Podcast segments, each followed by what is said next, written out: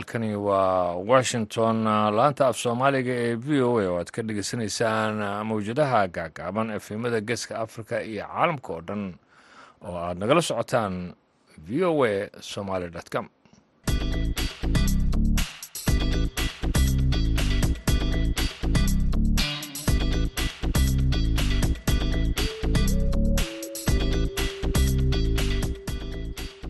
wanaagsan dhegeystayaal dhammaantiinba saacadduna haatan afrikad bari waxay tilmaamaysaa kuwdii iyo barkii duhurnimo waa maalin jimcaha siddeedda luulyo.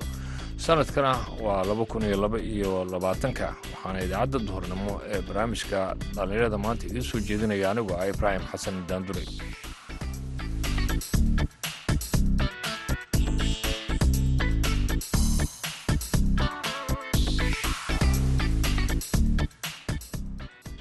qodobada idaacaddeenna duhurnimo aad ku maqli doontaan waxaa ka mid a barnaamijka sooyaalka dhaqanka ah oo ku saabsan dhaqankii hore ee miiga sida ay dadkii hore ay midhaha miiga ka baxa ay u isticmaali jireen.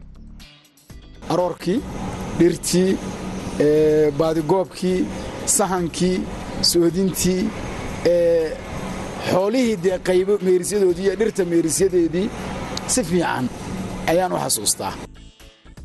Kaalintii heesaana waan idin haynaa hase yeeshee intaasoo dhan waxaa ka soo horrayn doonaa warkii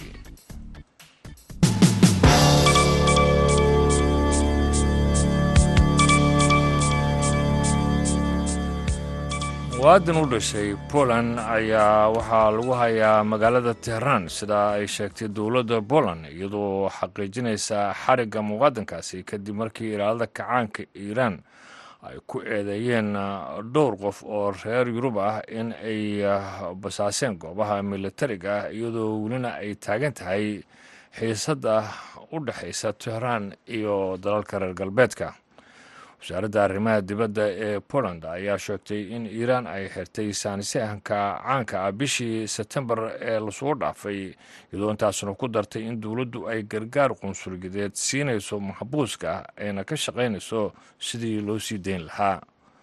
Dowladda poland ma bixin faahfaahin intaasi dheer iyadoo tix raacaysa shuruudaha gaarka. Iiraan ayaa arbacadii waxa ay magacowday saanisahanka u dhashay poland inuu ka mid yahay koox isugu jirta diblomaasiyiin iyo ajaanib oo lagu eedeynayo basaasnimo iyo in ay muunado ciidda ka qaadeen aagga militariga ee laga mamnuucay saharaha iiraan xilli ilaalada iiraan ay wadeen tijaabooyin gantaalo. Ra'iisul wasaarihii hore ee dalka jaban shinzo abe ayaa ku dhintay cusbitaal maanta oo jimcaha saacada kadib markii la toogtay isaga oo ku sugnaa goob uu ka socday ololo doorasho. Sidaasina waxaa wariyey warbaahinta gudaha iyadoo oo soo xiganaysay xubin sare oo ka tirsan xisbiga abe ee liberal democratic party. Ayaa warbaahinta qaranku ay sheegtay in abe uu ku dhintay cusbitaalka magaalada kishahara ee gobolka naara halkaasi oo lagu daaweynayay isagoo lixdan iyo toddoba jir ahaa. Dilka siyaasiga caanka ee jabaan ayaa imanaya iyadoo jabaan ay leedahay mid ka mid ah xeerarka ugu adag ee xakamaynta hubka iyo iyada oo uu socdo ololaha doorashooyinka deegaanka ee dhacaya. Hadda warkiina dhegeystayaal waa naga intaas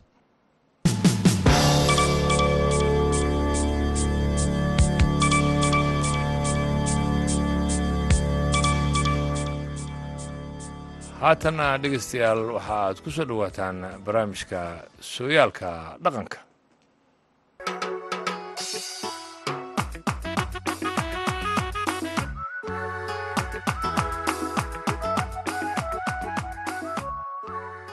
Kulanti wacan wanaagsan dhegaystayaal ku soo dhowaada barnaamijka sooyaalka dhaqanka v o a oo toddobaadkan idinkaga imaanaya magaalada nairobi.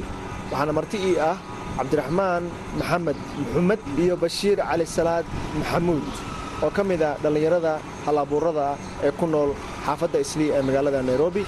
Barnaamijka sooyaalka dhaqanka toddobaadkan waxaynu ku eegi doonnaa miyigii soomaalida. Inta nooc ee ay dhirta baadiyaha ama si guud dhirta ay u qaybsanto mahmaahyada ama si guud waxyaabaha dhaqanka oo arrintaasi uu ka qabo. Ku soo dhowaada marka hore barnaamijka waan dhownahay. Waa mahadsan tahay walaal xared waa dhownahay waaya waxaan ku horaynayaa cabdiraxmaan miyigii iyo soomaalidii maxaa ku xasuustaa waad mahadsan tahay mar kaleete waxaan ku xasuustaa dee waayihii horeete iyo anugu waxoogaa waxaan u malaynayaa yar dadkii horea berisamaadkii dhahaa. Marka berisamaadkii bay noqonaysaa haddii si loo dhaho dhulku intuusan si saxa u nabaadguurin ee xoolaha iyo dadkuba dhaqnaayeen iyo bananka iyo awrtiyo iyo baarqabyadii baan soo gaadhnay marka dhul horta aad u qurux badan iyo marxalad qurux badan bay ahayd. Bashiir calisalaad abwandaacad baadiyaha iyo miyigii marka laga hadlayo oo kale iyo xasuus. Ma jirtaa xasuus gaar oo uu kugu leeyahay? Aadaa u mahadsan tahay walaal khadarow horta anugu ree miyi baana. Dhaqanka miyiga si fiican baan waxaan u haystaa inaan waxooga aqaan. Dhaqanka magaalada laftirkeedana kama arrabni oo inkastoo dee soomaalidu ku mahmaahdo dhar magaalo sida lagu xirtaa waa dhowdahay laakiin dhal magaalo sida lagu noqdaa way dheer tahay haddana waxaan isu haystaa labada qolaba. Nin u turjumi kara ama u hadli kara. Marka dhaqankii miyiga la yidhaahdo aroorkii dhirtii baadigoobkii sahankii soodintii xoolihii dee qaybo meerisyadoodii iyo dhirta meerisyadeedii si fiican ayaan u xasuustaa. Oo haddaan hore u sii galo markii aynu miyiga joognay dhirta labaa loo qaybin jiray geedaha dhirta la yidhaahdo waxaa loo qaybin jiray geed mirood iyo gahayr. Geedo mir leh mirtaasi ama mid xooluhu cunaan ha noqoto ama mid dadku cuno xooluhuna cunaan ha noqoto. Sida geedaha miroodka oo kaleeto oo dadku cunaan una aadka u xasuusto dee mirtoodii.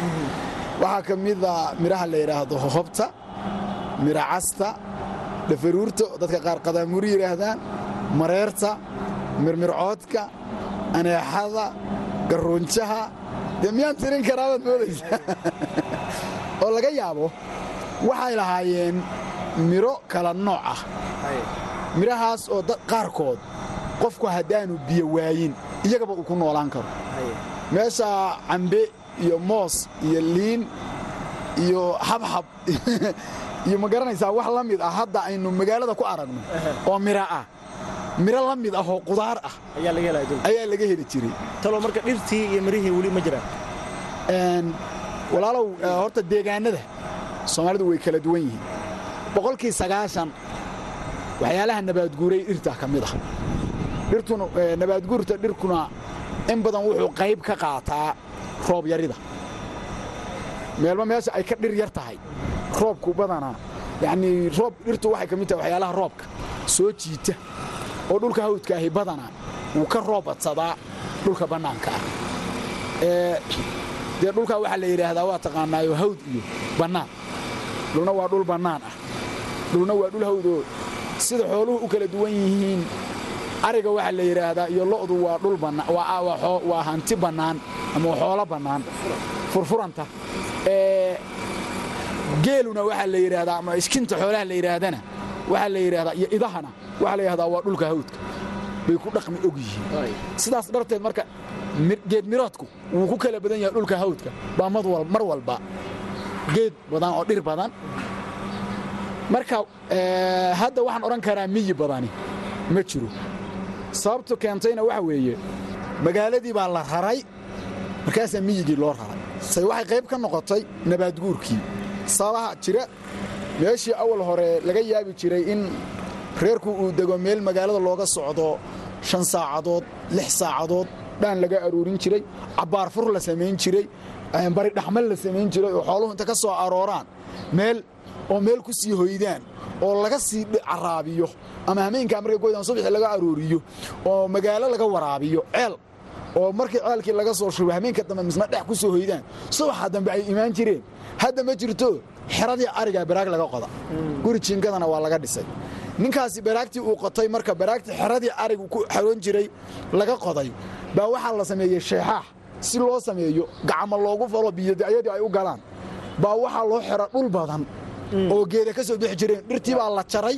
Dhirtii marka mid ood baa loo isticmaalay.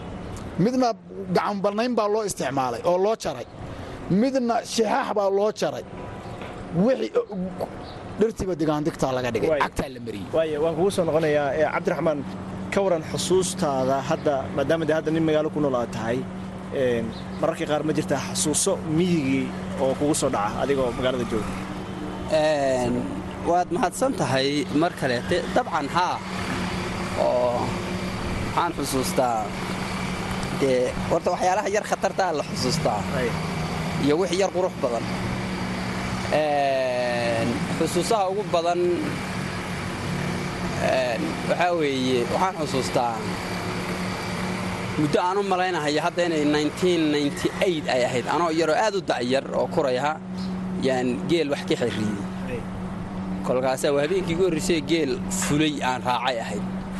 Marka jidkaan ku lulmooday jidka yaan ku lulmooday kadibna markaan geeli baa waddada laga duway anna waaba sii gam'ayba habeen kalena iyadana waxaan xusuustaa intii een, waagaa waagii dambe oo yar kacay bay ahayd intii iyadana la yidhi geel isagoo soo dheelmanaya bal isu soo jooji isu celi geela yacni yuusan kala hor dheelmanine yaan gamcay geed faradheere la yidhahdo hadda nabaad guuray agtiisa geelioo daaqaya intii yar ermaanka ahayd harweynkii iyo geel dambe iyo rimayd iyo wixii oo dambeeya. Yaan gamcay xilli galab ahayd oo salaaddii maqhrib adugu meelaha ay ka yar dhowdahay meel xa- xa- xaani ah oo bannaan baan seexday oo geeda waaweyn dhinacyaha ka yihiin. Dhag waan gamcayoo show xilli dambe oo geelanayiba tegeyba yaan geelanaga kii ka dambeeya oo dheelmanaya koorihiisii baan ku kacay. Markaan ku kacay waan salalay geeli soo dheelmanayaan marka foori ku bilaabay un dibu rogay. Kadibna een, waan arkay geelu geelanaga inuusan ahayn kurayana waa taqaanaa dabeecadihiiso nimankii geeli dheelmahayay isma tusin. Geelina waan la dheelmaday. Oo yacni oo ama wiil yar baad ahaydoo inay kugu maadsanayaan dacayad kaaga sameeyaan yaad diidaysaa. Marka isla markiiba geelii adugu xaradii ugu tegey isagoo la maalayaan ugu tegey markaan caana cabbay qolaya aroos aadahaya yaan raacay. Marka habeenka xataa dhaantadii la tubaya waan xusuustaayoo eraggii ninku markuu dhaantada soo tuma tumay gabdhuhu waxay lahaayeen kuwa dabada mari show danbay leeyihiin. Yacni oo ah shukaansi iyo maarata ii sheeg xudxud iyay u socdaan. Marka waxyaalo badan baan ka xusuustaa runtii. Ee, dhirtii iyo geedihii uu geela daaqi jiray maxaa ka xasuustaa Een, niyow waan xusuustaa waxyaalaha markaad nin een, waagi dhowtay abaartii baan gudihii yar tegey. Marka een, magaalaan ka baxay een, sidii uu sheegay daacad waxaa batay tuulooyinkii iyo aaggii maarata isu soo dhowaanshaha xaraguul walba. Xaraguul walba horta tuulaa laga dhigay. Oo beri la fadhiisan jiray oo geelashu soo fadhiisan jireen. Barkadna waa laga sameeyey. Qaar riigag baaba laga sii sameeyeyba. Marka waxaan xusuustaa dhirtii oo sida sameeyey gahaydhka dhaloosha een, maanyadii oo dhulka qarrida ah aalaa ka bixi jirtay. Een, geedihii la odhaan jiray oo kale iyadana sarmaantii iyo muqladii iyo geedihii dusha ka bixi jiray dhulka ciidda ahaa ee hawd iyo waxaa la odhaan jiray iyadana geed quwaax baa adugu xagarkii iyo geed la yidhahdo dhuundhas aad baan u xusuustaa oo fara badan. Marka iyo cawskii iyo dareemadii iyo hadda wixii geedku moogtay waa caws oo adugu waxaan dhulka hoose ka baxaa iyo geed quwaax iyo geed adayg marka alaa dhulka qarrida geed adayga ka baxsa galoolka een, een, maarata ii sheeg ee, galoolka geed kale isagana la dhihi jiray een, xoogaa hadda waan liqsanahay geedka toga alaa ka bixiya maraaga iyo adugu way fara badan yihiin laakiin waa geed kulayl cadaadoo kalaa ka mida isagoo xooluhu jecel yihiin intuu xagarka daaqi lahaa cadaadda iyo galoolku daaqi oo yacni markay ay waxoogaa bixiyaan roobku deedde ay leeyihiin maaragtay waxoogaa ay tigaadda yihiin. Daacad baan siinayaa daacadoo dhinaca maamahyada ka warran gaar ahaana kuwa xoolaha iyo miyiga iyo xodxodashada iyo maxaa ka xasuustaa horta reer mudugu maamaha waxaa jirta cajiibaho geedaha markuu tirinayey jicbay ugu soo dhacdayo. Reer muduga waxay ku maahmaahaa ninkii geeda tiriyey oo qurac ka tegay waxba ma sheegin ma garanaysaa annagu waamaha waxaan dhahnaa ninka geeda tiriyey ee yaaq ka tegey geeda ma tirnin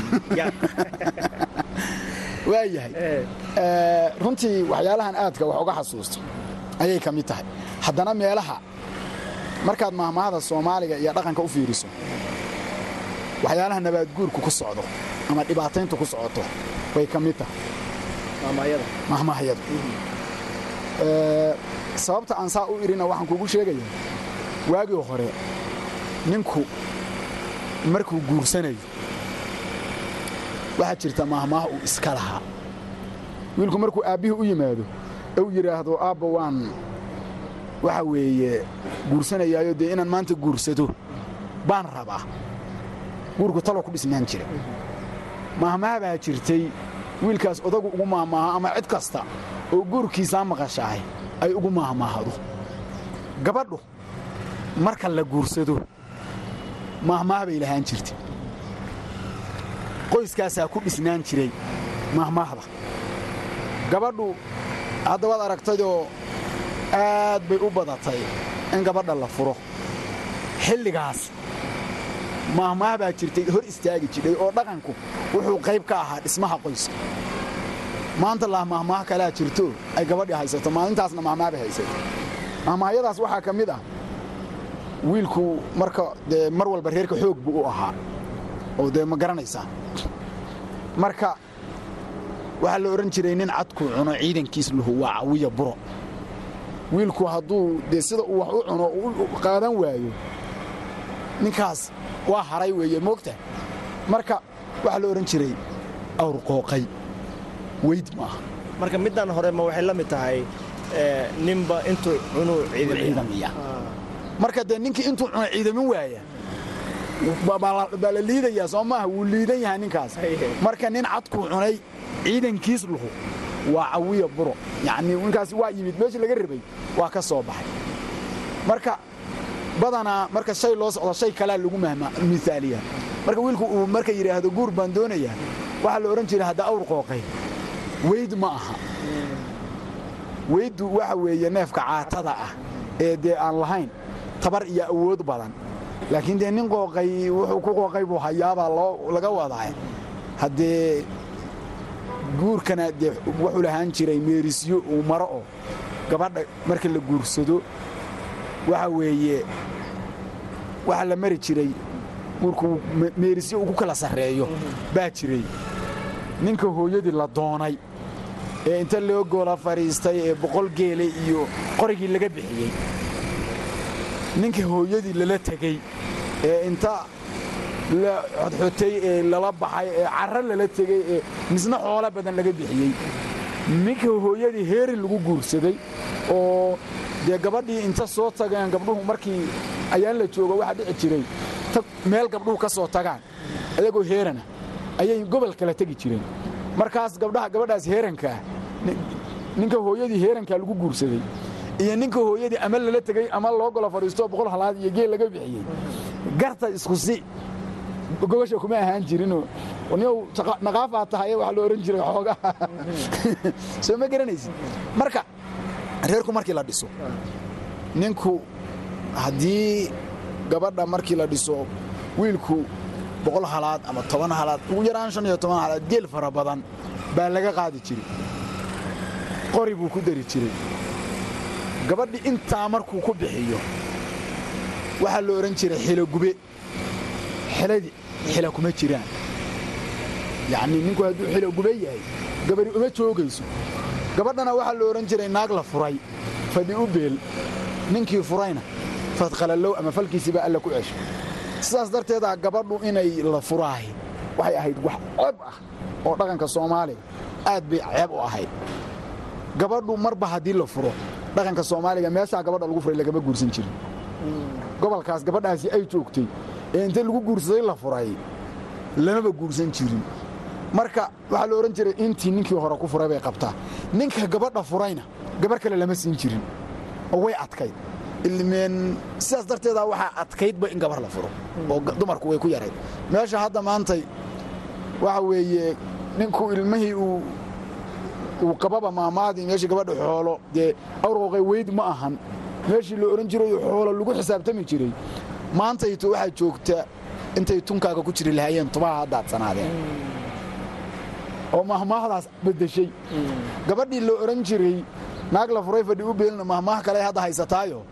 Silix ku nool soddon guursataa dhaanta intaan silix ku noolaan lahaa. Soddon nin baan isu marahaya ayay gabadhiina ay la joogtaa dhinacaas oo kale markii la aado marka waxa weeye wiilka iyo qaymihiisii laga hadlahayo. Waxaa la odhan jiray wiil labiyo toban jira. Hadduu lali ahaan waayo marti laylka dhexe timid hadduu luun ka rogi waayo ragannima liddiis kuma jirtoo liicyayo ogaada. Dee wiilku markuu labiyo toban jir yahay dhaqankii horoo miyiga wuxuu ahaan jiray ninka reerka rara sahmiya geela gooba dhaansha ciidamiyuu ahaa. Midda labaad wuxuu samayn jiray wax tabac buu ahaa. Koortuu qori jiray haantuu qori jiray dhiisuu qori jiray wuxuu qori jiray wuxuu samayn jiray agab. Dadka wax badan ugu yaalla. Meesha meeriskiisaas dhiggiisa gabadhuna intoo kale ay qabada toli jirtayoo haruubkii iyo dhiishii iyo dhigtii iyo udubkii ay samaynaysay haddana intaa ay ku daraysay raradii oo falkadii iyo raradii oo ma garanaysaa noocyadeedii oo kala duwan iyo kabadii iyo sartii ay samaynaysay intaa ay gabadhu ay soo haysay. Si kooban adigana. Marka waxaan dhihi lahaa ummadda soomaaliyeed iyo dhallinyarada maanta soo kacaysa iyo kuwanayna dhegaysan doonaba ha ku dadaalaan ha ku dadaalaan inay wixii hore iyo wax soomaali leedahay in la casriyeeyo kolley de meesha iyadana laga dhegaysanaya waa dadkii maaragtay caadiga ahaa ee dee idaacadaha ka saaran jiray raadiyowga ka dhegaysan jiray. Iyagana waxaan leeyahay kuwaana dhirtii iyo geelii oo waayahan markaan waddankii tegay aanarka isagana isagoo la baylihiyey oo ninku intuu aroortii dareeriyo oo laga yaaba maantana inuu xalay qaar baa maqnaa. Inuu saaka iska dareeray geelii isaguna tuulo aaday. Kii uu saaka dareeriya waayahayaa. Kuwa kalo oo xalay ka maqnaabaa laga yaaba inuu soo xareeyo meelaha ku soo derderay galabta. Marka war wixii hore yaa fiicnaaye. Aynu soo gaadhnay waxaan leeyahay insha allahu tacaala arrimahaasaan kula dardaarmi lahaa oo ah inay bal xagga wanaagga loo baydho waadna mahadsan tahay. Kuwaasi waxay kala ahaayeen cabdiraxmaan maxamed maxamed iyo bashiir calisalaad maxamuud oo ka mid ah dhallinyarada halabuurada ee ku nool magaalada nairobi waxayna igala qaybgelayeen barnaamijka sooyaalka dhaqanka oo toddobaadkan idinkaga imaanaya magaalada nairobi. Tan iyo kulanti dambe nabadgelyo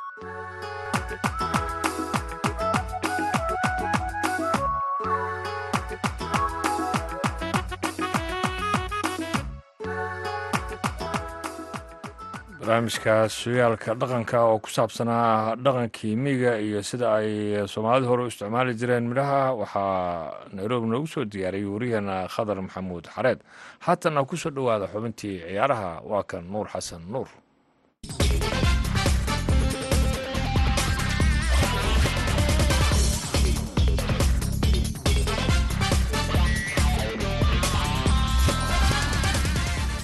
kulanti wanaagsan dhegaystayaal ku soo dhowaada xubinta ciyaaraha ee idaacaddeenna duhurnimo. Magaalada jigjiga waxaa shalay lagu soo gebagabeeyey horyaalka sagaalaad ee dhinaca kubadda cagta gobollada dowlad deegaanka soomaalida ee ethoobiya horyaalka sanadkan waxaa ku guulaystay xulka kubadda cagta ee gobolka jarar. Warbixintan waxaa jigjiga ka soo diray wariyaha v o e da maxamed cabdiraxmaan gaata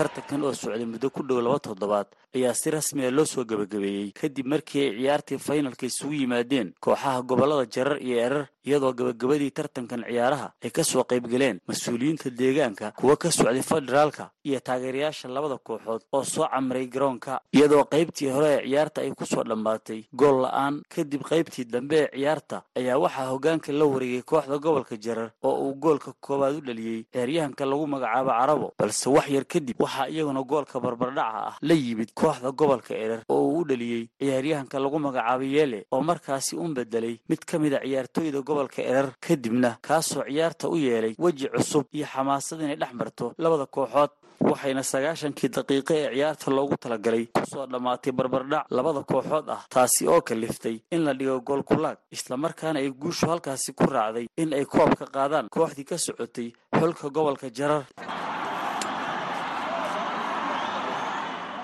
maxamed mahdi waa wasiirka xafiiska dhallinyarada iyo ciyaaraha dowladdeegaanka soomaalida waxa uuna warbaahinta kula hadlay gudaha garoonka kubadda cagta ee magaalada jigjiga isagoo sheegay in ahmiyadda tartanka ciyaaraha deegaanka looga gol leeyahay ay tahay siday dhallinyarta isu dhexgeli lahaayeen islamarkaana loo abuuri lahaa isjacayl bismillahi raxmaan iraxiim maanta waxaa inoo soo gabagabaysa ad aragtaan tartankii gobollada deegaanka soomaalida.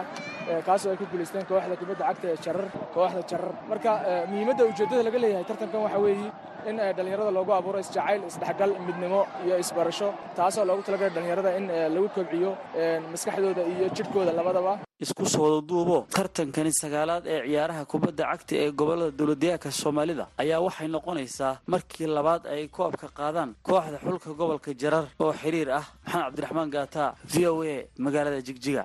Aad ayuu u mahadsan yahay gaata dhegaystayaal xubinta ciyaaraha. Intaa ha inoo joogto